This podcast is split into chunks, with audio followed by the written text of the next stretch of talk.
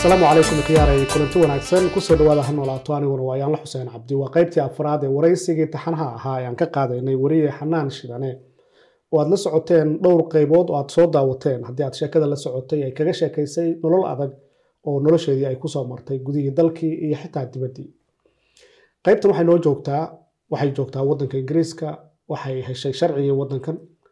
Markii ay heshay kadibna nolol cusub ayaa u bilaaban doonta oo waayaheeda leh xanaan maadaama ay ahayd gabar dhallin yar oo guurkeedii hore dhibaato ka soo martay waxaa looga faa'iidaysan doonaa fursadeeda maadaama ay ahayd gabar qof baylaha ah oo waddankan ingiriiska ku nool dadkii ay ka filaysay inay ehel u yihiinna aysan sidii ay rabeen sidii ay rabtay aysan ula dhaqmin ayaan iyana ka sheekayn doonaa.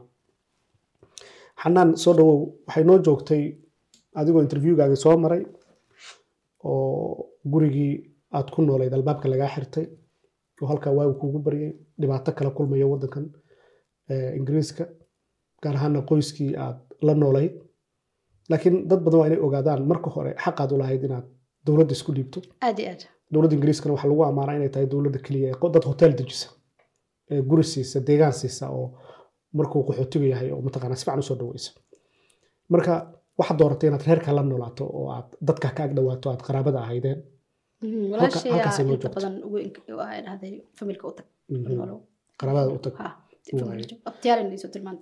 marka qaraabadii aad u tagtayna eh, dhib mooye dheef kalamaada kulmin.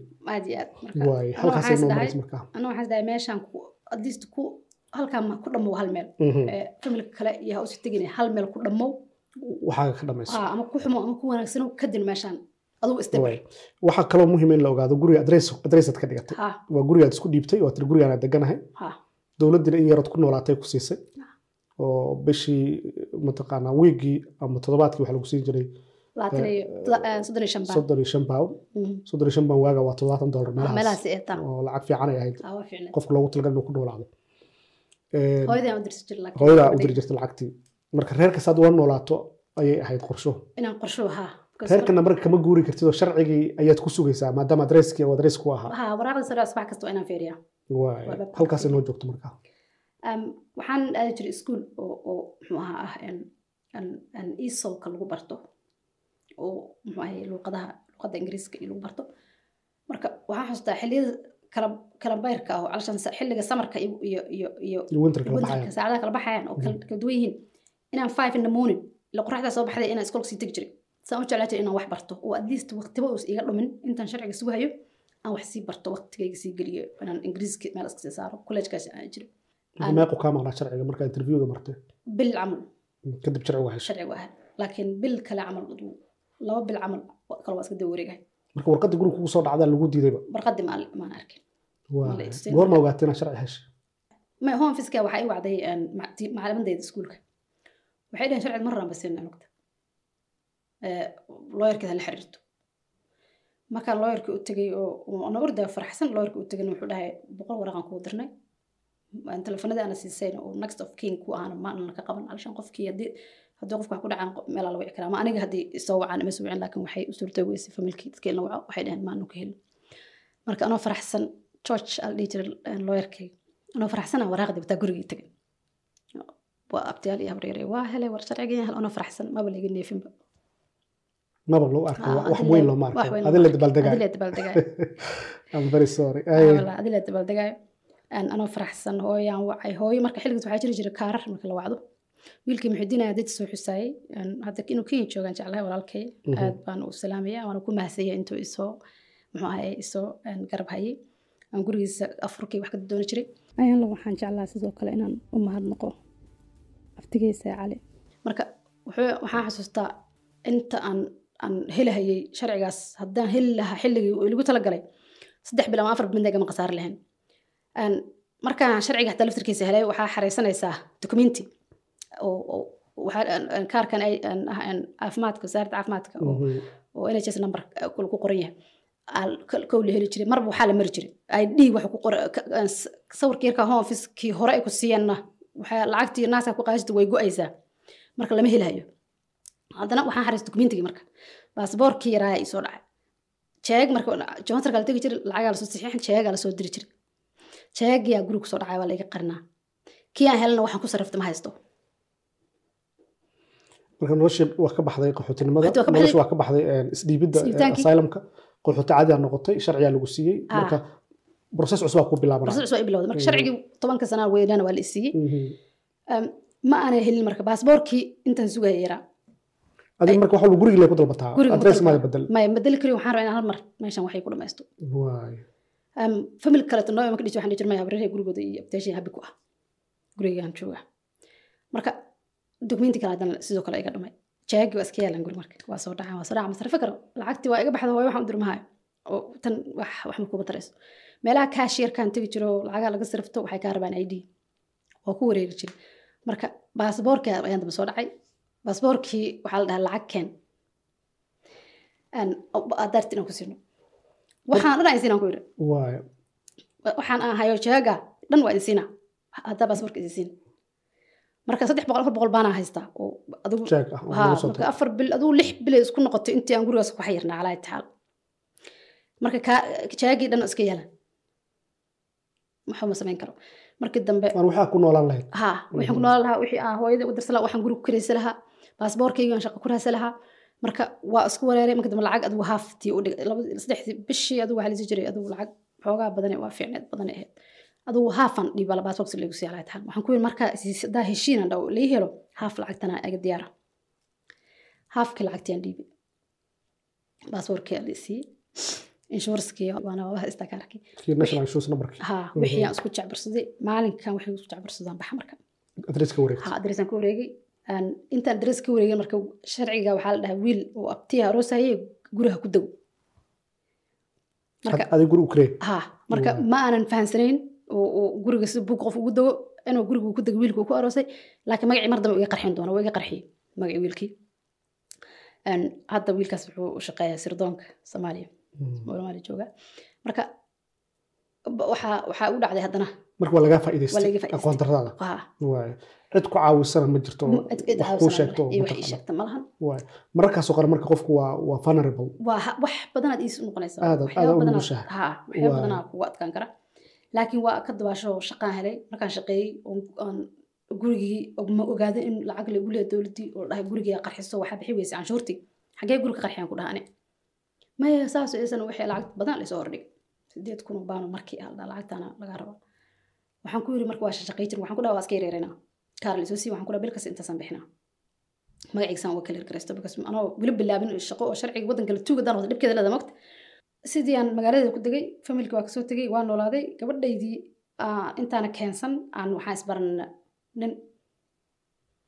Naagta waa ilbaxday markaan waa guur kale naf iyo shidaan la dirirta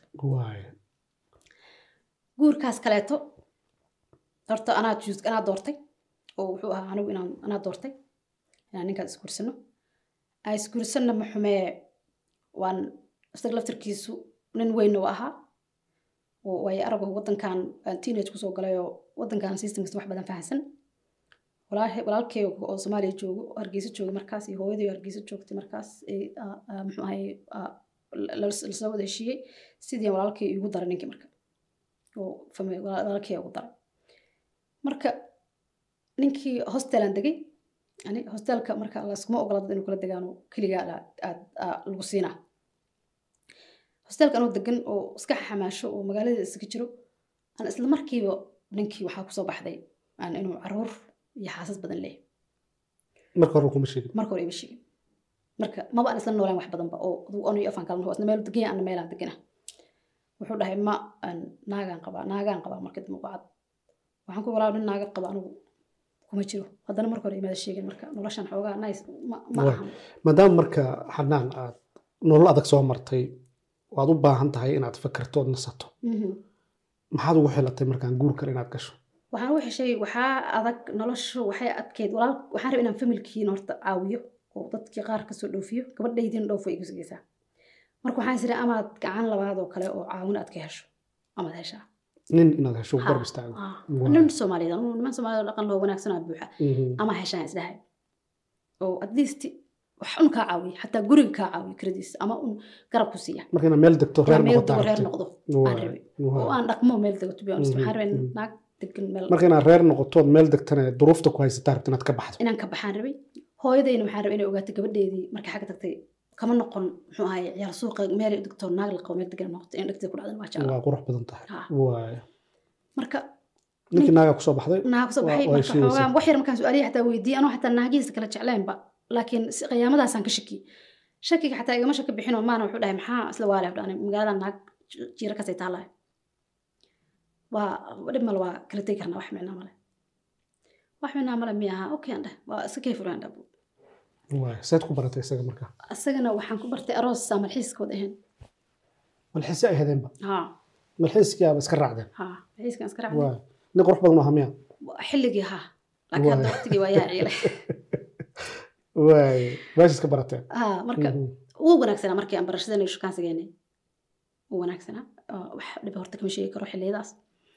Marka waxaa dhacday ninkii inaan inaan uur yeesho marka waqti badan isku aada helinin maya aniga wax tibad waqti badan maya waxaan hataa haddaan rud adaa desperate ahaa waa ahaa marka waa asaguna waa iga faa'idaystay dabcan waddankan waa ku cusub tahay oo waa iska dhallinyarana iska tahay waana cusub tahay oo nimanku way jecel yihiin gabdhaha cusub iska freshiga kuwa freshka laga faa'idaystaa kuwaasa laga faa'idaystaa mar walba dadkaasa la gaadaa kuwaasaan kasa la gaadaa gabdhahaas maadaama ay nugul yihiin haa kas wax badan ay ay muxuu tahay ayagu ay aysan waay marka ninka sidaan waqti xataa haddaan xataa xaqiiqada kulankeenu ma ahayn waxyaaba badan oo markaa isgursana kadib is arkin. Ninka wuxuu yidhi haddaad uur uur yeeltan adaa isku yeeshay. Haddaad uur yeelan adaa isku yeelan. Ma filayn marka. Waa waxaan fahmi waaye ma xustaa nolosha nololahaygii hore ma aanan fahamsanayn ninkii wuxuu lugta iga xiriyey. Kan haddeer weyno isaguna ma fahmin wuxuu ii leeyahay haddaad uur yeelto adaa isku yeesha uurna waa yeelatay. Uurkiina waa yeesha maxaa samaysay wuxuu yiri dhakhtariintu ii tiltilmaamay meelahay ku yaalaan meeshaas tag meeshaas tag meeshaas tag oo ah iska soo tuur. Cunug iska soo tuuraa meelaa la iskaga soo waa yaqaanaan. Haa. Waa ii tilmaamay dhowr meel ii tilmaamay. Haddeer aan magaaladan oo ku yaalo sahel centraal oo ambaad wasaaradda caafimaadka maadaama u shaqeeyo aan haddeer aqaan uu ii sheegay. Marka waxaan ku yiri walaalow imaada qasbin shalay. Qasab imaada aan muxuu ahay uurkan kumaana yeelan marka adiga hadda kuma taalo go'aankaas mid aniga ii yaal waay. Hargeysa lagu meeriyey haa. Oo tulkiisna waa joogeen tulkaagana waa joogeen. walaalkii bashiir walaalkii hooyadii waa joogeen reer hargeysa ayuu ahaa. Waa isaaq. Magaaladanna wuxuu waxaa la dhahaa muxuu ahay dadku markaan uurka lahaa uurkii ugu soo baxay uur ay yeeshay hebel hebel aa waxnaan saas yeela la dhihi jiro hebel hebel alsha markaad qofka taqaanidii markaad aqoon waa duwanta.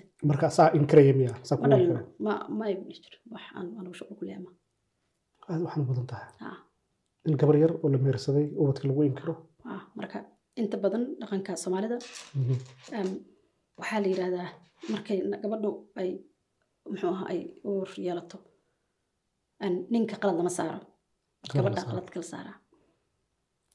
Gabadhuna qaladka ma laha iyadiyo waa wada leenaha qaladka. Adduuniya aqraba wada qofkaas labadaas qof adduunka aakira ayagaa qalad kale. Aakirana labadooda dambi ama hadee garan adaysa dambi gelin. Mhm. Adduunkiina ayagaa ilmahan keeno mas'uuliyadan ayagaa qaate adi marka maxaad samaysa markuu ku yiri dhiirgelinaan ka qaada waxaan ku yiri taas lagama yaabo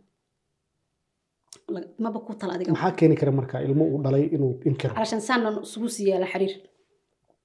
Muxuu kugu calashan saanan isku ma kala tegayno like inuusan inay taariikhda u sii gelinba marka adiga adaa diiday yiri mar haddaad reer aad leedahay niyo kuma waxaan ku irmay mhm. anigu waxaan ku iri kan calooshada ku jira cidna go'aanka adigu maliyay hooyadii aan sheegay. Marka cadaawadda maxaa keenaya ku yidhahda ilmaha adaa walaa cadowna kama ahayne. Mhm. Cadowtinimo kama ahayne. Adugu waxaan is dhahay ku xumaysay ka maadaama mindhaa anigu aan furinkana dalbaday laakiin xumayn maaha ilmahaaga inaad inkirto wax saamaa nimanka soomaalida waa u badan yihiin mhm. abte inaad ilmaha dayacaan iyo inay inkiraan wax cusub maaha hadhowna ilaaha qofka la mu- la mudan doono ama loo baahan doono. ilaah ilaah dembiga qof kastana asaga ilaahay asaga hooya hooyaad u sheegtay marka. Hooyaan u sheegay. Hooya waxay tiri cunugtaada cunugaa olkaa ku jira adaa dhala hooya. Saad ku dhashay baad dhalay tiri ama wiil wax walnaba ilaahay kuu noqdo waa kuu duceeya anigu weyta ducadeyda aadna ku cayshaysaa adduunya aqro. Cunugaagana hay- hayso hooya saas isagaa yiri tala ahaan u sheeg laakiin waxaan ku dhahay anu ma rabo inaan saas sameeyo maana dhib ma lahayd nin fiican uba ahay markaa isbaranaynay wax iska bedela ma aqaanay batir hooyo uu la hadlay. Oo isbartay Reer life way isku soo qiimi. arkeen haa bas Waa. sidiyaan marka aan aan sidiyaan uga tagnay aan faraha uga qaaday dib damba iskuaan arkeen isaga. Marmar marka waxaa jiri jirta hadalladii sidaan dib xasuusto waxaa ka mid inuu dhihi jiray familkaaga waxay dhihi jireen naagtan aan waa ma ahan naag fiican um, especially xaafadda aan ku noolaa oo wuxuu dhihi jiray habel iyo habel iyo hablaaye hablaaye waxay dhihi jireen ma fiicna gabadhaan waa iska ciyaalka xaafadda marka anu ciyaal xaafadnimo ahaan camal hadda anu kuma qaadan karo marka cid walba adiga aad cid walba marka Ay yeelan karto leeyahay. yeelan waxaan ku yiri qofkii oga taas aaminsantaan ku yiri ama waxa maskaxdaada ama qofaa ku yiri ah xataa wuxuu ii sheegay inay niman soo waceen dheheen naagta annaga saaxiib la ama annaga qabna ama annaga saana waxaan ku yiri haddii xataa kuwa qabaa shan ay yimaadaan toban hadday timaado waxaan ku yiri waxay hadandhaa inaad raganimada adu ka xigto oo tiraahdo maya ha aniga xaaskayga ta ma dhihine waa dhinacooda warafa uu dad ka maqlabo waa mare. Waxaan xasuustaa habeenkan foolinaya oo aan foolinaya albaabka ugu dhegan waxaa deganaa nin ingiriis ah oo terry la dhihi jiray reer liverpool ah oo dadkan laga roonayaasha ah albaabka ugu dhegan oo deganaa hostelka. Marka alaabkan ka furfuri jiray markaan waana walacaan dadka ku jiradaan ah. Cunto xalaal oo east london iga dooni jiray. Anna waxaan deganaa stock newton meel dha oo waa kala fogta. Cunto xalaal oo ii dooni jiray oo ii keeni jiray. Ninkaas. Ninkaas caddaanka ah. Waana xataa dadkan muxuu ahaye dadkan oo waxawaaye biniaadamnimada ku tusaysa biniaadanimo ahaan haa waa nin muxuu aan ahayn nin ragahe ah dadkan muxuu ahaa laga ronayaasha oo caadi official u ah. Waay wuu ku caawin jiray. Way caawi jiray cunto xalaal u ii keeni jiray oo xataa rasiidka xalaasha u qoranto i tusi jiray oo oo jeebkiisa oo ah jeebkiisa ah. Waa cuni jiray because lacagteedan waxaan samayn jiray shilinka aan soo galo hooyaan u diri jiray iyo gabadheedaan u diri jiray waay waa foolatay marka. Fooshay ay qabatay biyihii aga dilaacay adoon weli isbitaal tegin ha Oo. marka ma istamaya xilligeedii ku dhawaadkii ha biyihii aga dilaacay waxaan xasuustaa ayaan law stock newton waa taqaa meesha ku taallo Mhm. Iyo edmonton meesha baagga maaragtay dhinacan maqaayadaha la dhaafo ku yaalla aan u lugay jiray. Anoo uur leh. Maan haysan lacag aan ku baxo. Baska dhan wuxuu ahaa jiray um, two band seventy oo one band seventy five. Lacagtu inta aruriyan hooyo u diri jiray. Maxaa ugu lugeynaysaa marka edmonton. Wadanaan ka lahaan jiray. Ama hal dukaan oo hal meel cunto oo oo turki lahaa jirtay. Aan waxaan ka jeclaa jiray cunto lagu gado marka haddaan lacag tirtaan haysto cunto ku gato aan bas ku raaco taas ma cuni karo. Qof walacaan ama uur loo dareemi kartaa waxa uga dhegtuu rabaa marka u soo lugay jiray aan gabadheedaas aabeed gabadheeda aabeed isagoo baawar cad wato. Aan laamiga isku mari jirin iyo anoo uur leh oo lugeynaayo. Aan jidka isku agmari jirin wuu ogaa inaan uurka leeyahay. Wuu ogaa inaan muxuu ahaye cunugiisa sido. Ehel iyo qaraaba xanaanana aad haysan aad ku daryeesho haysan wuu ogaa waa foolatay fooshay qabata habeen bar aan waa xustaa bariis cadda dabka ii saarna waxaan rabay bariiska cadka inaan imtixaano yogara ku darsado aan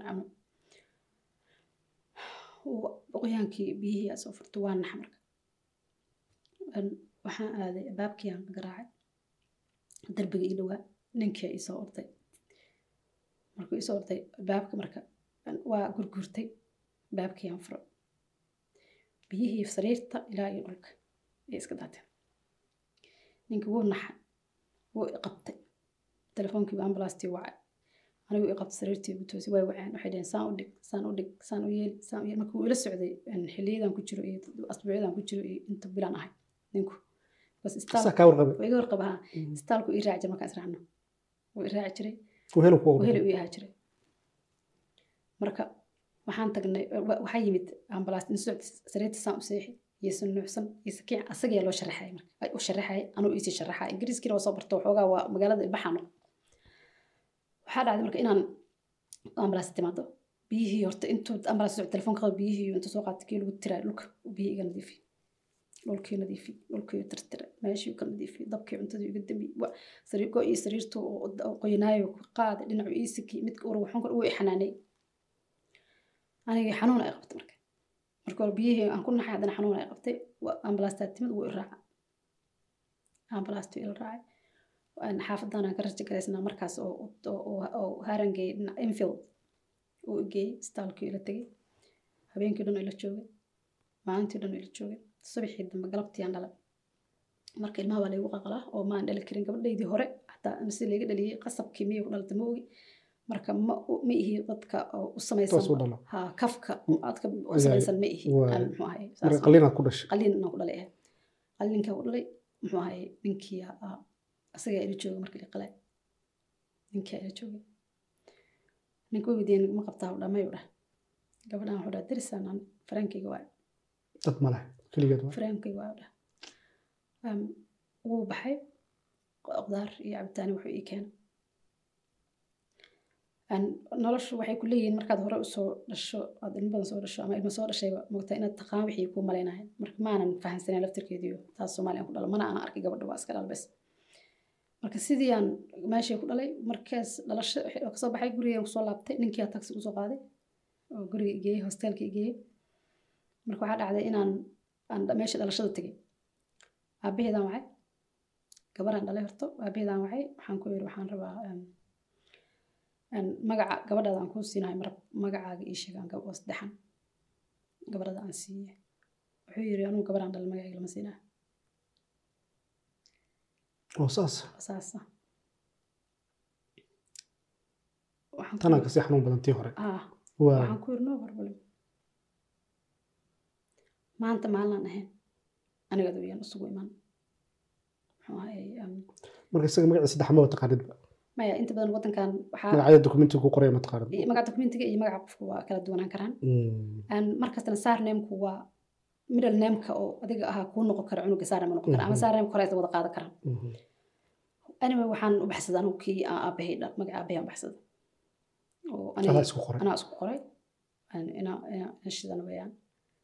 Marka hadda shan wiil shidana la dhahaa siisay. Magacaasaan siis shan wiil shidane shan wiil magaceed runtaa wey magaceeda runtaa waaye waa magacii badan tahay laakiin magaceeda runtaa shan wiil shidana waaye marka sidii ay igu joogtaa sidii aan ku korsaday ima soo raadsan ilaa hadda maanta xilligan aan joogno ima soo raadin waa qaangaar ay ugu tiri gabadhaada hadda waa qaangaar ah waay aabeedna ma taqaan aabaheed ma taqaan marka noloshii aad ku kortay iyo khibradaadii way aragnimo aadan xaq u lahayn inaad heshaad heshay oo taasaana keenaysa inaad qof adag noqoto markaad fiiriso dhalmadii gabadhaadii koobeed iyo gabadhaadii labaad. Ah, soomaaliya iyo london aad ku kala dhashay. Way kala duwaneed absolutely. Laakiin waxaan dhawarka u xirtay Mhm. ama aan u istaagay oo ilaa haddana u taaganahay ilmahayga inaan korinadooda intaas baa soo koriyey. Gabadheed hadda kale tolabaatan laba sana jirtaa labada kun dhalatay waxaa inaan koriinadooda anigu xataa ilmahay dhali doonaa hadduu ilaahay igu simo oo aan u noolaado inaan anigu saan anigu ayaga u soo koriyey kuwaasna ayagana ula koriyo. Oon u noqdo aabiyo hooyo anigu hadhowna ayeeye iyo iyo aan u noqdo hooyo oo aan isku sii karsado. Nololahaas badan oo adagoon soo maray waxaan ka sii qaaday horta ima hal marna gadaal ima dhigin oo ima saameyn. Laakiin hal midaan ka qaaday oo ah inaysan inaan raggayaasha nimanku inaysan wanaagsaneyn dabcan m- kulligood ma wada ahan. Laakiin haddii aan noloshayda fiiriyo ayaan loo anuu aabahay ma arag. Oo aabanimo ma ana arkin. Aabba micnaha uu leeyahay anugu kama sheekin karo. Mhm. abaa waa la dilay. Mhm. haddana meeshii aan ka noqon lahaa anigu ilmahayga aabba heli lahaayeen aabba mayse helin. Ilmahayga keligii marka dana ugu noqotay hooyadii keligii isoo korisay anigina keligii ilmahayga koriyey. Marka laba aabbo waa dhaafay saddex aabbana waa dhaafay ma ana arkin ilmahayguna aabba ma arag kuwa kalena mayse arkin aniguna ma ana arag. Marka hooyadaan anigu u garaabaa oo muxuu ahay hooyada aa ugu weyn macaankeeda. Wadankan haddeer aan joogo aan full time aan shaqeeya ayaan loo subaxii six in the morning aan baxaa habeenkii afar saac habeenoo imaadaa. Dabcan waa ogtahay wasaaradda caafimaadka u shaqeeya laakiin intaas aan shaqeynayo ama aan ordaya waxaan rabaa cunugayga inuusan noqon inuusan tabin booska kale ee aabanimada oo uusan haysan aniguna aan u diidina kii dhalay uu meeshaas uga baxay ku dayacay. Anigu haddaan xumahay ule inaan xumahay. Inkastoo dadka soomaalidu yidhaahdaan aboowe naagtu markay dhowr nin soo furto ayadaan xun. Anugu waa ma aaminsana inay jirto taas oo sax sababtoo ah bini aadanku ma wada xuma mana wada wanaagsana. Anigu haddaan xumahay marka ka qaado anigu aan hooyo xun ama qof dumara xun ahay qofka fiican weligiis isma bedelo aabbayaashaanu maxay isla bedeleen? Anigayaa xumaa laakiin asagii maadaama ayaga ay fiicnaayeen maxay isla bedeleen? Ilmahoodii maxay u dayaceen? Maxay aniga iigu dayaceen ilmihii? Naag xun haddaan ahay maxaa ilmihii laygu dayacaa? Ilmahaaga korso? Waddankaana sharcigu waa sameeya malaha naagta waxba kaama gelin ilmahaaga korso ilmaha korso haa. Mhm. waddankaana sharcigu waa simana inaad ka tagtaa dhibaato kale. Oo Mhm. inkirtidna waa ka sii xanuun badanta xanaan noloshaada waxaan ka dareemayaa walaashay in aad ka sheekeyn karto maanta aad nala wadaagto waxaadan weli sheegin oo ah in wax laga barto nolosha la soo maray. Midda koobaad in gabdhaha soomaalidu ay yihiin dad adag oo ilaahay nagu badbaadiyay hooyooyinka soomaalida markuu burburka dhacayna ay ahaayeen wax lagu badbaaday. Iyagoo yaryar iyagoo waaweyn intaba mar walba hooya soomaalida badbaadin jirtay oo qoys kasta hooya lagu badbaaday. Tan kale waaba tusaale noolaa tahay islaanta habar gidire laga sheekeeye ilmaha soo markaa islaantaas waxaa la yidhi ilmay dhashay iyo kuway dhalin kulli intay korisaa magaceeda wada qaateen. Waxaan ogahay xataa inaa inaa inaa inaa carruur ajnabiga waddankan aad korisay ha. Oo lagu dhiibay xanaanaynaysa hooyadooda. ingiriis xataa aad korisay meesha hooyo u ahayd waxaan koriyey carruur bangladesha Mhm. waxaan koriyey carruur ingiriisa waxaan koriyey muxuu ahay ilmahaygoo muxuu ahay kala qabiilo kala duwan qabiil dhan haddii la soo fiirsho saddex qabiil noqonaya waxaan koriyey naftaydii oo halkan soo gaarsiiyey. Marka xanaan shidana waa waa- waa- iyadaa iyadaa habar gidir kala cusub ah. Aad iyo aad aad iyo aad. Waa wax lagu farxo. Maxaa is leedahay? Waa aragnimada aad heshay xanaanay Ee, gabar kastoo soomaaliya waxaan ka baran karnaa taariikhda aad ka sheekeynayso. In aabe iyo walaal iyo abti kasta oo maanta soomaaliya oo barnaamijkaaga dhagaysta uu dib ugu noqdo gabdhahaysa cidda qabta. Oo laga warhaayo gabdhaha cidda- dadka la siinayo. Ee laga yaabo meelo fog inay ula guurayaan. Oo aan war laga haynin. Dad badanoo wanaagsan oo kaa guursanaya waa jiraan laakiin dadkuma wada wanaagsana marka taa waan ka baranaynaa horta cashar. Inay tahay in aan gabadha layska sii daynin ee reerka faraha looga qaadin ee laga warhayo.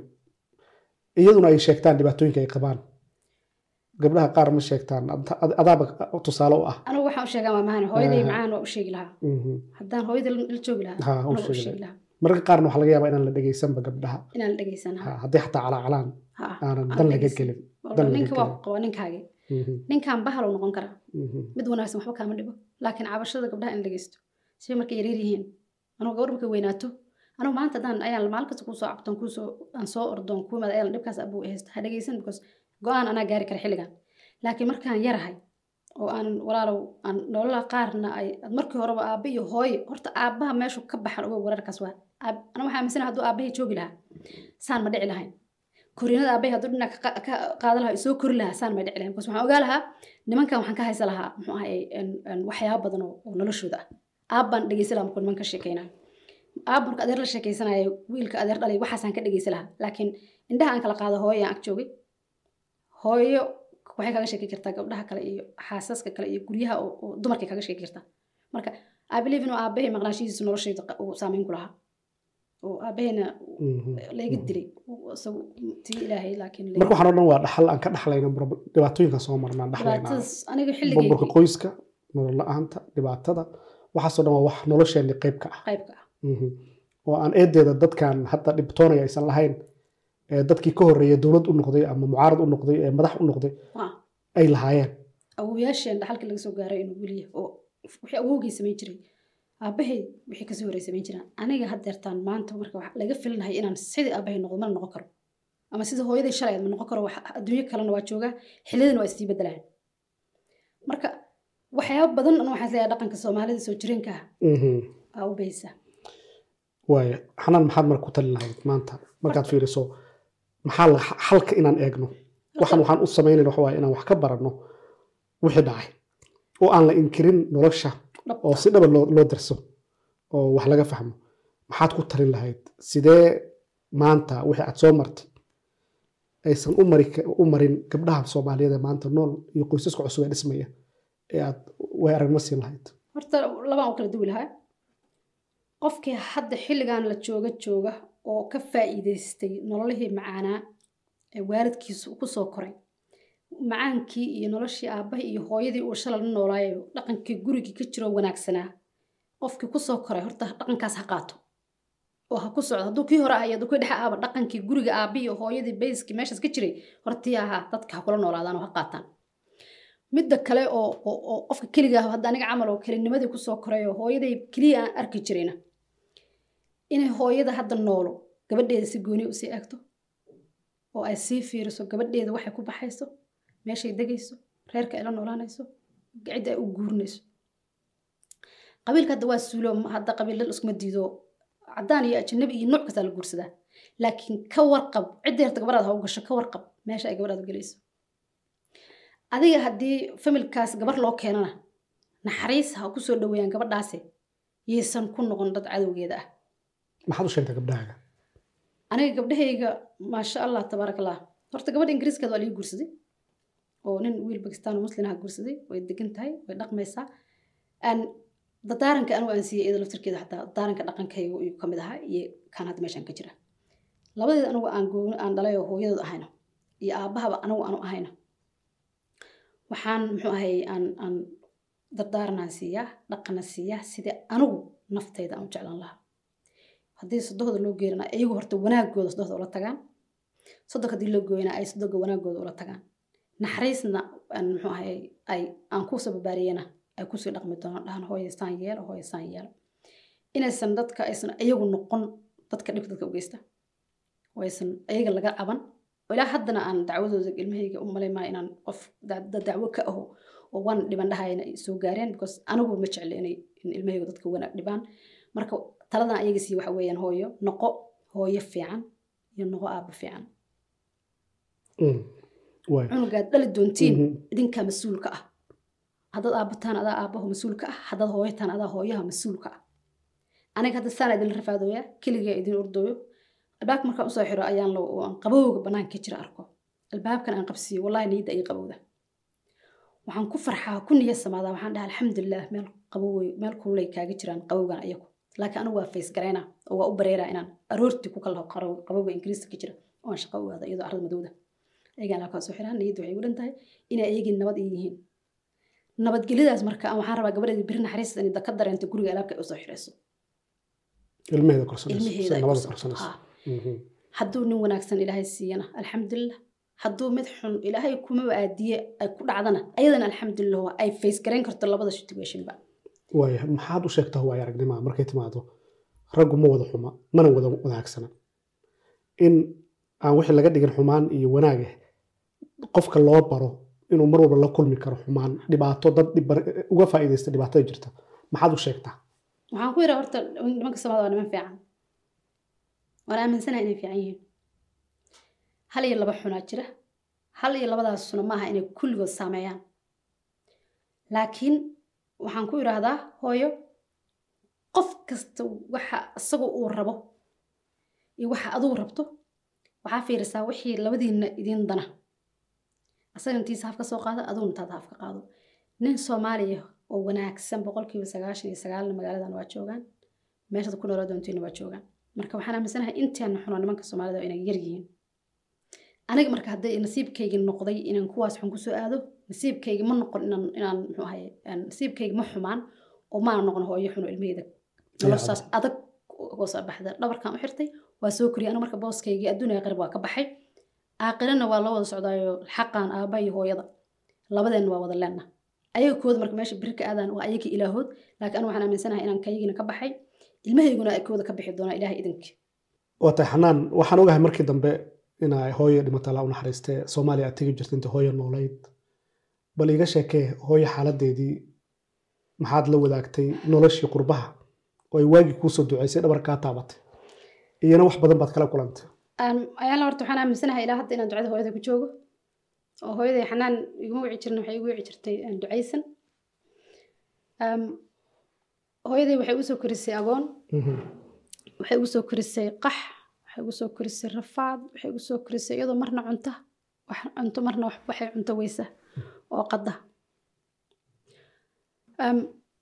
hooyadeeda soo kori jirtay oo iyaduna waa- waayeel ahayd iyadii way dhimatay laakiin hooyaday nolosheedii dhan agoontaas ilmahaas agoontaa ninna maysa guursan xataa. Inaa aniga nakana soo korisay u dhabar adeegtay. Marka xilligii aan ka maqnaa intaas labada labada kun ilaa hadda. Yurubtan intaan joogo. Mhm. wadamadan aan joogo sanad kasta horta waa aadi jiray. Mhm. xajkii waa u suurta gashay inaan geeyo waa ii suurta gashay. Em, noloshii ay rabtay inuu ku noolaato oo aadada ku dhex noolaato guri qabo iska deganaato sadaqadeeda baxsato. Waa ilaahay idinka ilaahay waa ugu guuleeyay aniga iyo walaalahay inay inaan intaas u samayno alxamdulilah Mhm. Laakiin em, waxaan dareemaa abo markaan noloshan wadamadan taalana arkay noloshii xaggana arkay waalidka sida lagu yahana arkay. Anigu horta waxaan is dhihi jiray keliga ama waalidkiis ka soo fog oo meel ka fog ka jira dadka waalawada la nool yihiin. Waxaan dareemay ma soo arkay dad waalidkood u nool aan ka faa'iidaysanayn anigu maadaama aabba aan waayay oona arag hooyaday u malaymahayo wax ay aan maanta is leeyahay hooyada waa ka hagratay inay jirto? Oo intii ay iga baahnayd karaankayga ah. Mhm. hooyadii inaan wax u diro anaa derbi u soo seexan jiray albaab cidlaa u seexan jiray anaa u qadi jiray anaa barafkan wadankan jooga bannaan ku hoyi jiray si aan hooyadii waxay cunlada iyada ugu diro. Asxaabtaada way sheegaan inaad aada baari ugu ahayd hooyada allah u naxariistay mar ilaahay walba gacanta ku haysa ilaahay ha u naxariisto. Sanad kasta waa aadi jiray. Fasaxida wadanka xilligan la qaato anu waa dhaqaaleysan jiray Aan saa iyada ula soo qaato. Aan xilliga iga xanuunsatay sanadkaas laba maraan tegay waxaan samayn jirta hooyo markaan u tago ayaan la waxay dhihi jirtay maandhay qabrigeeda isoo tusi jirtay. Meesha ku yaallo. Ciidan ka soo xaxaaqi jirnay. Aabahay meesha ku dugnaa ay agtiisa qabri ka diyaarsatay soddon iyo shan sano soddon afar sano ka hor ay qabrigeeda. Meeshaasaan leeyahay dhihi jirtay maandhay ilmahayga waan gabadha ugu dhaga fududaatay dhihi jirtay. Meeshaas meelaan ahayn yaan la igu duugin xagga u ahaa qabriga qabriga cadaadu ku yaal. Waxay dhihi jirtay meel kale yaan la ii wadin maandhe aniga si gooniyihii hooyadii gacanta iga xiri jirtay. Waxay ilmahayga walaalihii sideedaan nahay? Intada nool oo hooyadii dhashay. Aniga si gooni ila daarmi jirtay. Waxay dhihi jirtay waxaan kaa rabaa hooyo. Meeshaas inaad dhinacayga soo dhigtid adduunka haddaan meel kale ku dhinto. Iyo haddaan cadaado ku dhinto. Inaad noqotid qofka hubiya meesha laygu duugo oo qabrigaana meel kale hataa maha qabrigaana.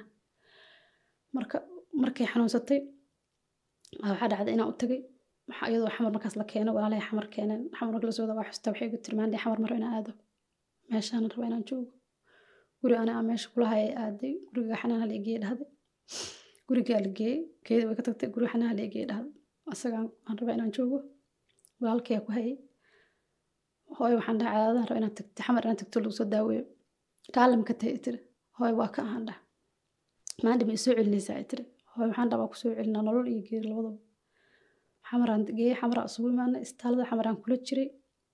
Oo muxuu ahay intaasoo beri kula jooga bil camalaan soo joogay.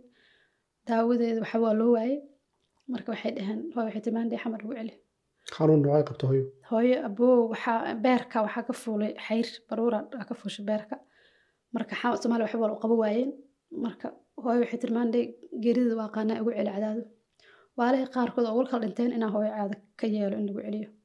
Marka aan weligii hooyada wax kama diidin. Hadday tiraa maandhay waxaasaan samaynaa weligii kama diidin. Ayaanla waxaan xasuustaa inaa xamar waalihii inta warkood diiday inaa xamar u celiyey inaa ka celiyey xamar oo caada geeyey caadaan uga soo tagay waxaan ku dhaha hooyo hindi aan geyna maya tiri maandhay xamaraan soo diday hindiin meelna ma socdo. Marka ingiriis saas imid walaalihii kale soo wixii lagu heshii waayey hooyo xanuunkeeda sii batay. Waa xasuustaa waxay tiri xanaal iyo wac waa la hadlay. Waxay tiri hooyo hindi aa la sheegay in la igeeyo martaada in la igeeyo hindi. Waxaan dhabaa rabaa in la geeyo. Waxay tiri raalli ka taha. Hooyo waxaan dhabaa ka ah in lagu geeyo. Ayaanla waxay dhahda waxaa iga ballan qaadaa inaad qarash adugu aad bixisid geeyo hindiyo qarash adugu aad leedahana geeri iyo nololba caada lagu soo celiyo. Waxaa dhacay walaalaha kale. May sababta ma sheegi karo laakiin saasay hooyo hadalkii tiri u ah ballantas iga qaadi ku tiri. Ha waa xustaa shaqadan joogay. Hooyo waxaan ku yidhi ilaahay hortiisa maanta kaaga ballan qaada ahaan dheh bal taas anaa oofiyaan ku dheh waalay oo wada sheeg waxaan ku yidhi anaa dabaan qaadahay ogaada. Waxbaa ka welwelinin idinkuna maaha inaysan lacag haysan laakiin ku yidhaha ka welwelina anaa dabaan qaadahaya maadaama hooyo codsigeeda uu yahay hooyo was hooyo hayay tiri halay diyaariy hooyada xamar iga disi shala waa. Halay diyaariya tiri waa la soo diyaariyey. Baasboorada waxeeda xamar laiga fududeeyey. Xamaraa la keenay. Fiisiyaa loo xareeyey hindiyaa la geeyey. Lacagtii waa u shub horta inta caado joogtaan u xamaraa waxaa la geeyey hindi hindi la saddex bil ku dhawaa joogtay waa la daawey waa fiicnaatay. Marka kastoon la hadlaa waxay dhihi jirtay gabadhii ducaysaan lii waco telefoonada lacagaha lagu tuurayaan loo xusuustayda wallaahi inaana xasuusan hal maalina oo telefoonkooda ee lacag la'aan noqday. Ma xasuusto. Micnaheedu ma ahan inaan lacag meelaan kala gee waayo. Waxaan rabay inaysa hooyaday dareemin. Muxuu ahay sadaqada yar baxsanayso. Inay telefoonkeeda ka maran tahay waxaan isdabaalaha qaar waxaa ku kala dhiman jirnay hooyo kibir ha nagu barnay jireen hooyo ha nagu kibirnay idhi jireen markaas dhahan ayaan waa murugoo jira waxaan dhihi jiray haddaan hooyaday aanan dhinacaas u dhigoona kibrin oo aanan nolosha ay jeceshaha isugu noolayn maxaan kaloo samayn karaa? Kibrin maan anu waxaan rabay ayagu dabcan waxay ka wadeen qarashaad saan igana midhaa loo weydiin. Waxay dhihi jirta hooy gabadheeda hal ii waco telefoonka dii lacagta ka goodo walaalahay waxay dhihi jirta ii waca gabadheeda hooye xanaan lacag maysa hadday wax soo dirta waxba wey maysa dhihi jirta mana aana weyn ayaan lo ilaa hadda oo aan joogo alxamdulilah waxba ma aana weyn. Ilaa hooyo idankiisa marka intii waa laga soo celiyey iyadoo caafimaad qabto. Iyada caafimaad qabtaa laga soo celiyey xamaraa la keenay. Xamar physiotherapia la geeyey physiotherapiyada waa xustaa lacagta horumarsaas ii dhiibay. Waalay haddana waa ku kala dhiman qaar muxuu noqday xanuunkeeda waxbana xayrtii ka shiileen daaweyna la siiyey laakiin hooyada xoogaan iska todobaatan iyo dhowr sana waa jirtay. Agoonnimo iyo ilmo agoon ay soo korisay iyo fitamiin la'aantii nolosheedin saameyntan waxaas waa ku yeelan kartaa qofka hadduu isku soo roonaan markiisii hore. Gadaal waa saameyne. Ayaan waxaa dhacda hooyo marka la hadlaayo markas marka waxay dhihi jirta hooyo goorma iimaane? Waxaana moogaa laba bil camal markaad miyaa saddex bil camal. Waxaan dhaha kuu imaanaa ana marka waxaan ilmaha kale uga duwan oo u dhaga fududaa maande waxaa saarmatir hooyo hayaa dhihi jiray marka dii jira marka walaalahay waxaan dhihi jiray halas waxaan sameeya haddaa rabtiin ha fulnina laakiin dhegta ha ka maqasho ina wixii aad aad tiraadeen haye. Hooyo waa kuu yeelina keliya maqashiyaan walaalahay ku kala dhimi jirin. Waxay dhihi jireen markii hooyo iyaga xataa isku murmaan waxaa ku qaylayan waxaa dhihi jiray xanaan la waa iyada hooyo naga qancinaysa. Anigaana hal gabaraa hal wiil bas.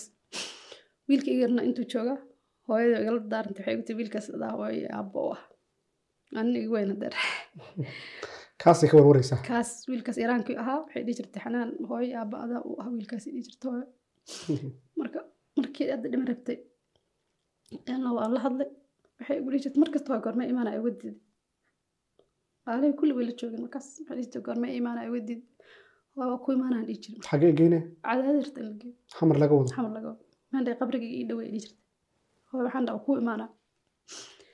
Marka anoo ilaah amarkiis walaalahay inta waxaan ku dhahay. Anaga hooyo aada. So waa baxeena waxay ugu dhaheen lacag ma haysan walaa shilin lacag jeebkay kuma jirin. Laakiin waxaan ku idna baxaan rabaane hooyo marka waa wacay. Maalintii dhimanaysa sabdii ahayd saddex bir camal markii xoogaa xanuunsatay iyadoo noo fiican oo bilowdo roon. Oo xanuunkii ka degay waxay dhahday maandhayskow ifasaxa idinku idinkaa ugu dhegan ana waxaa xasuusta walaalkay ii dhiibi jiray maande waxay tiri inaa ifasaxdaan rabo. Way ka wado isakii fasaxa intaa ka badan noolaa karo waxaan dhihi jiray hooye waa ku imaado marka ku imaado aan ka tashan doonaa laakiin horta aan ku imaado isug hooye inta markaa ku imaadan fasaxa fasaxa dhihi jiray. Waxay dhahday marka saddex beri u dambeysay xanuunsatay. Walaashii aan wacay waxay dhaheen hooyo ash ma aha ana waxaan go'aansan marka inaan baxo. Marka marka la hadlaya sabdi ay dhimanayso telefoonka camera laygu wacay ayaan low halo aan dhah. Hee hooyo i dhah. Mac salaama i dhah. Mac salaama saas i dhah. Xaggan waa iga jeesata waa dareemay in hooyo ashaheen waa iska ooyey marka markayga hore xataa oo hooyada la hadli jiray. Weligay ma xasuusto anoo in hooyada telefoonka dhigo. Ma aan la hadlo. Codkeeda damaqal waa iska weyn jira waxay dhihi jirtay malaa'igta kuu oyso ooy macaa malaa'ig waa ku wayaan yiri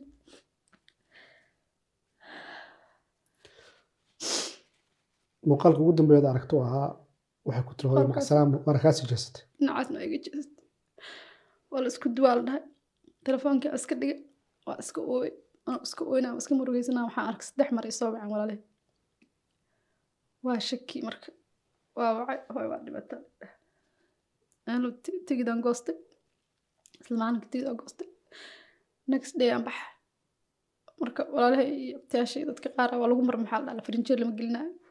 Anu waxaan dhaha farinjeer lii geliyo meeshii lagu duugaa qaar dadka walaalahay qaar waxay dhaheen. Ilaa hadda xataa qaar ay ula hadlin oo aan ku kala maqanaha xoogaa. Waxaa la dhaha farinjeer lama gelinayo axmaraa lagu duugaa. Marka waxaan xasuustaa Mhm. ballantii fuliyaa rabe xataa familka qaar waxay dhaheen dardaaranka waalidka lama fuliyo. Waa lagu murmay meeshii lagu murmay. Abtiyaashay abtigay muse allah waa nool yahay caafimaad alla- allaha siiyo wuxuu dhahay gabadheedii alala sugo. Intay gabadheeda imaanaysa alala sugo dhahay ilaa markii waxaan ku guulaystay in aan ilaahay uguma dhibin xoogaa farinjeer in la iigeliyo oo aan isku xirxirto wiil xildhibaano iyo wasiiray wax wacbacdo oo meeshii la iigeliyo aan wiil habaro ah iyo fudeen la iigeliyo meeshii muxuu ahaa farinjeer tigidkii wixii inay goosteen waxaan dhaa sii goostay diyaarsada waa beriya imaanaa markaas hooy wadeena aanla waxaa dhacday aan tigidadii marka la gooyey oo diyaaraddii inta aan ka raacaan rabay inaan xagga kala wareegno isniinaan rabay aan xagga tegay sabdii hooy dhimatay axadaan sii isniinaan tegay waxay inaan airboort ku kulanno aniga iyaga. Oo aan markaan dhinaca ka soo baxo aan isku aragno airboortka diyaaradda caada toos u raacno. Ayaala markaan airboortka tagno waxaa dhacday? In diyaaraddii wax dhaceen oo baaqatay oo iska dawareeg dhacay. Kadib waxaa la dhahaa tigidka ho- meydka maba ku jiraba tigiddan la gaday. Sabab? Waxaan ku yidhi lacagtan ka soo ceshan nimankaan disbixin waxaa la dhahaa tigidkii maba ku jiraba meydka. Wax ugu weyn oo loo socday meydku meydku dhacay? Marka waan farxay waana naxay. Waxaan naxay horta inuu meydkiisii oolhayo waa ka naxay. Halna waa ku farxay waxaan ku farxay hooyo inay tiri markii hadalladeedii hore intaan hindiya geyn inay tiri lacag adu waa leedahay. Caadana ha laiga wado geeriya nololna ha laigu soo celiyo lacag adu waa leedahay. Marka waxaan ku yidhi dhib ma lahan. Arrintan waxaan dhaha ilaaha wato daarankeeda ilaaha u fuliyo hooyo. Marka tigidhadii la sii goostay aa- kuma jirin markii hooyo meydkeeda laa ilaha illa allah lacagtiin waxaan dhaa ka doonta ka soo ceshta tigidki ilaa markii markii aan u- aa- aa wiil aan xildhibaana waco wuxuu ugu xiray wiil ajensiyaal meesha joogo wuxuu dhahay subaxii diyaaradda ugu horeysa gabadhaan waxeedu u saar una fuli sidii aa subaxii lacagtaada lagu gooyay lacagteeda lagu gooy lacag markaas bangi igu jirtay oo xataa kaash ku jirtay oo aan barclays bangi ay shaqeynay lacagtii aan tigidka gooy marka wiilkii lagu xiraan wacay waxaan ku yiri tigidka hooyaday iyo intaasoo qof aan nahay tigidkooda ii jar gooy subaxii meesha waa ka qaaday seven dhimoodna talaadii baxnay qabrigeeda shala sii diyaariyaan tegay waa meesheeda ku duugnay meydkeeda wax ka dhaqay naagihii dhaqaya ka mid noqday caadadaa lagu dhaqay mar kale caadadaa lagu dhaqaa haa gacantaada ku dhaqday gacanteeda ku dhaqay timaheeda aan salaaxay anaa madaxa u furay gacmaheeda aan salaaxay qaboway ahaayeen waxaan xasuustaa markaas aan dhaqayay hooyo meydkeeda markaasaa aa waxaa iga bacday murugtii badneed iyo ooyintii waa iga yaraatay waxaa u yidhahay waa ku sabartay waa ku samray dharkeeda fursaddaas ma helin owlaadeedii kale awlaadeeda kale qaaraa helin qaarna waa helin kula joogeen kula dhaqida keligaa dhaqa waalihii kale maysan arkin korkeeda anaa qofka ugu dambeeya korkeeda arka ahaa allah u naxariisto marka aniga waxa weyn noloshayda hooyaday saameynteeda bis. Aan adduunka xasuusta waxaad og tahay dad badan oo dhibaato waalidka ku hayay oo markii inta la keenay xitaa waalidkii ama gudihii aan xiriir badan la lahayn. Maxaan xasuustaa dad badan? Oo hadda Mhm. marka sanad kasta caadaan tegi jiray ayaan loo sidaa ka warqabto. Fasaxaygan waa xamar toos iyo meelo kale weligan tegi jirin caadaan tegi jiray hooyaan u tegi jiray. Nolosha hooyo ku nooshaan kula noolaa jiray. Inkastoo aad ogtahay inay cabsi tahay oo haddii ay ay kuwii muxuu ahaa qawaariijta meelahaas ugu heli lahayn aysan cafi lahayn riskigaasaan qaatay inaan hooyaday kula joogo meeshay ku nooleed markii. Inkastoo aysan caadadaas problem badan u jirin laakiin waa u muraaday isma dhahayn inta hooyada aad neefteeda ag joogtana adaa ku dilahaya hooyana way dhihi jirtay waxay dhihi jirtay ilaahay kuma tusaayo cadow intaad anigii ila joogtay intaa meel kala joogtaba. Marka niidaan ku samaa oo waa ku jiifay inaan hooyo ag seexdo. Soom waxaan xusuustaa waxaan tala soo soomi jiray. Inkastoo xanuun ugu ahayd inaan meeshaas lagu soomo kuleylka loo adkeysan karin. Laakiin waxaan rabay nolosha hooyadii marayso. Inaad dareemo bas waxaan murugooda abuu onka naxaa waxaan arki jira waaye la ii yimaado markaa guriga joogo waxay dhihi jireen gabadhaad miya haa dhihi jirta. Gabadhaad waxay dhihi jireen at least waad ducaysantahoo ilmaheen anaga weligan maana arkin. Yurubna waa naga jiraan. Raacadaada waay. Reecaado inta qaaraa joogo. Gabdhihi inta joogo badan iyo wiilal marka hooyo waxay dhihi jirtay inta ku qoshay waxay dhihi jirtay aniga ma habaarni ilmahaygana maleemaha inay saas i dayacayaan intaan noolaha. Haddaan dhintana inay iloobi doonaan marka haweenkii saaxiibadeeda u imaanaya oo dhaha ilmaheeni war nagama hayaan. Waraqaa ma arag. waraqaa liiso dhibi jira waxaan xasuustaa hadda kahor wiil meeshaan jooga buu waxaan u soo qaada oodka iyo waraaq. Hooyadiis u soo qortay. Waluusan xataa inta lug soo dhig iga soo doonan aakhirkii wax iga qaada markaan waayo oodkii iska yaal waraaqda iska taalo iyo waxay i waa u fasaxanta iska cun jooga wadankaan degaya. Duq sidoo kale iyadan waxaa xasuustaa aboo iyadoo xanuunsan ay indha beeshay intaasna gabadheeda raadi jirtay gabadheedana waa aqaanaa intaan ku arki jira waa u fari jiray hooyada maa raadis hooyada maa waxa soo hadlaa dad kale waa dhiishid waxaan jira hooyaday u tagtaa anaa indhahay ku soo arkay ee hooyada ama caawisid marka dambe ilaahay wuxuu qadaray in duq indha beesho xilligii roobabku daa ina meel boosneer ku dhacda iska dhimatay gabadheeda boosneer ku dhacda dhimatay hooya ilaihi marka dhihi jirta maandhe gabadheed maa raadisid maandhe gabadheed maa hooya waxaan boqol mar aa u sheeg waana nooshaa qoftaas waa nooshaad magaaladan deganta marka wa waxaan ka murugada waxay tahay qof waalidkiis u joog aad iyo aad dar hooye macaan ah qofku fursad u haystaa mar kastuu waalidkii nool yahay haa laakiin ilaah ku waafajiyey in? Inta ay noolaad hooyada alxamdulillah. aad waa dadaalay inkastays enaf ahayn laakiin waa iska dadaalay waana waxa la wada noolaanayaaba iska yar nolosha waa iska yartahay soo duugay dardaarankeeda dad igala soo dardaarantay qabriga meeshii loogu talagala ballantay waxay dhihi jirta maande markay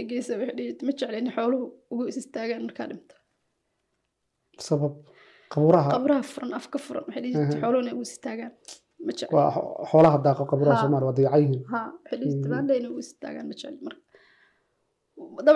waa qabuuraha qof ku jiray hoos ma kor nafti waa baxad mahu marka qabrigeedu waxaan sameeyey siligaa ku soo wareejiyey oo af laga xiro leh laga galo leh. Ayadii aabbo isku soo agdhajiyey marka waa kor waa kas- geesa dhan ka soo wareejiyay hadda xooluhu ma geli karaan. Waa halkaas wareega soo sidiisii weli yahay. Marka alxamdulilah ilaahay saa u Mhm. marka inta waxaan dadka soomaalida dhihi lahaa qof kasta waalidkiis u noolyahay intuu noolyahay ka faa'iidaysto. Berritoo la isma gaaraayo. Berrina ilmahaaga adigana saas kuu yeelaayo laakiin ilmaha walaalahaana waa kala beer jilicsan yihiin. Waa kala naxariis badan yihiin laakiin qof kasta waalidka intuu noolyahay ka faa'iidaysto. Aabihii Mhm. hooyaba anagu haddaan maadaama aabba arkin laakiin aabihii hooyaba in laga faa'iidaysto. Intay nool yihiin. Aan kula talin lahaa dadka soomaaliyeed aad iyo aad waa mahadsan tahay. Xanaan waxaana dareemi karnaa runtii dhibaatada nagu dhacda waxaa ka mid ah. Waa la kala baaday oo reerihii iyo qoysaskii iyo waalid iyo walaal la isma hayo oo soomaalida dhibaata nagu dhacday oo waxaad moodaa in meel aan ka habaarannahay laakiin ilaahay waxaan rajaynayaa in meel aan ku wada noolaano oo fursad la isku helo ehel iyo qaraabo iyo la wada noolaado. Insha allah tacaala. Ilaahay waddankana noo dejiyo. Xanaan maanta waxay nala wadaagtay si aan wax uga baranno barnaamijkan taariikh dheer oo ku saabsan nolosheeda taas oo ah sheeko laakiin u dhiganta hal milyan oo sheeko oo ah in gabdho badan oo soomaaliyeed ay la kulmaan dhibaatooyinka noocaas oo kale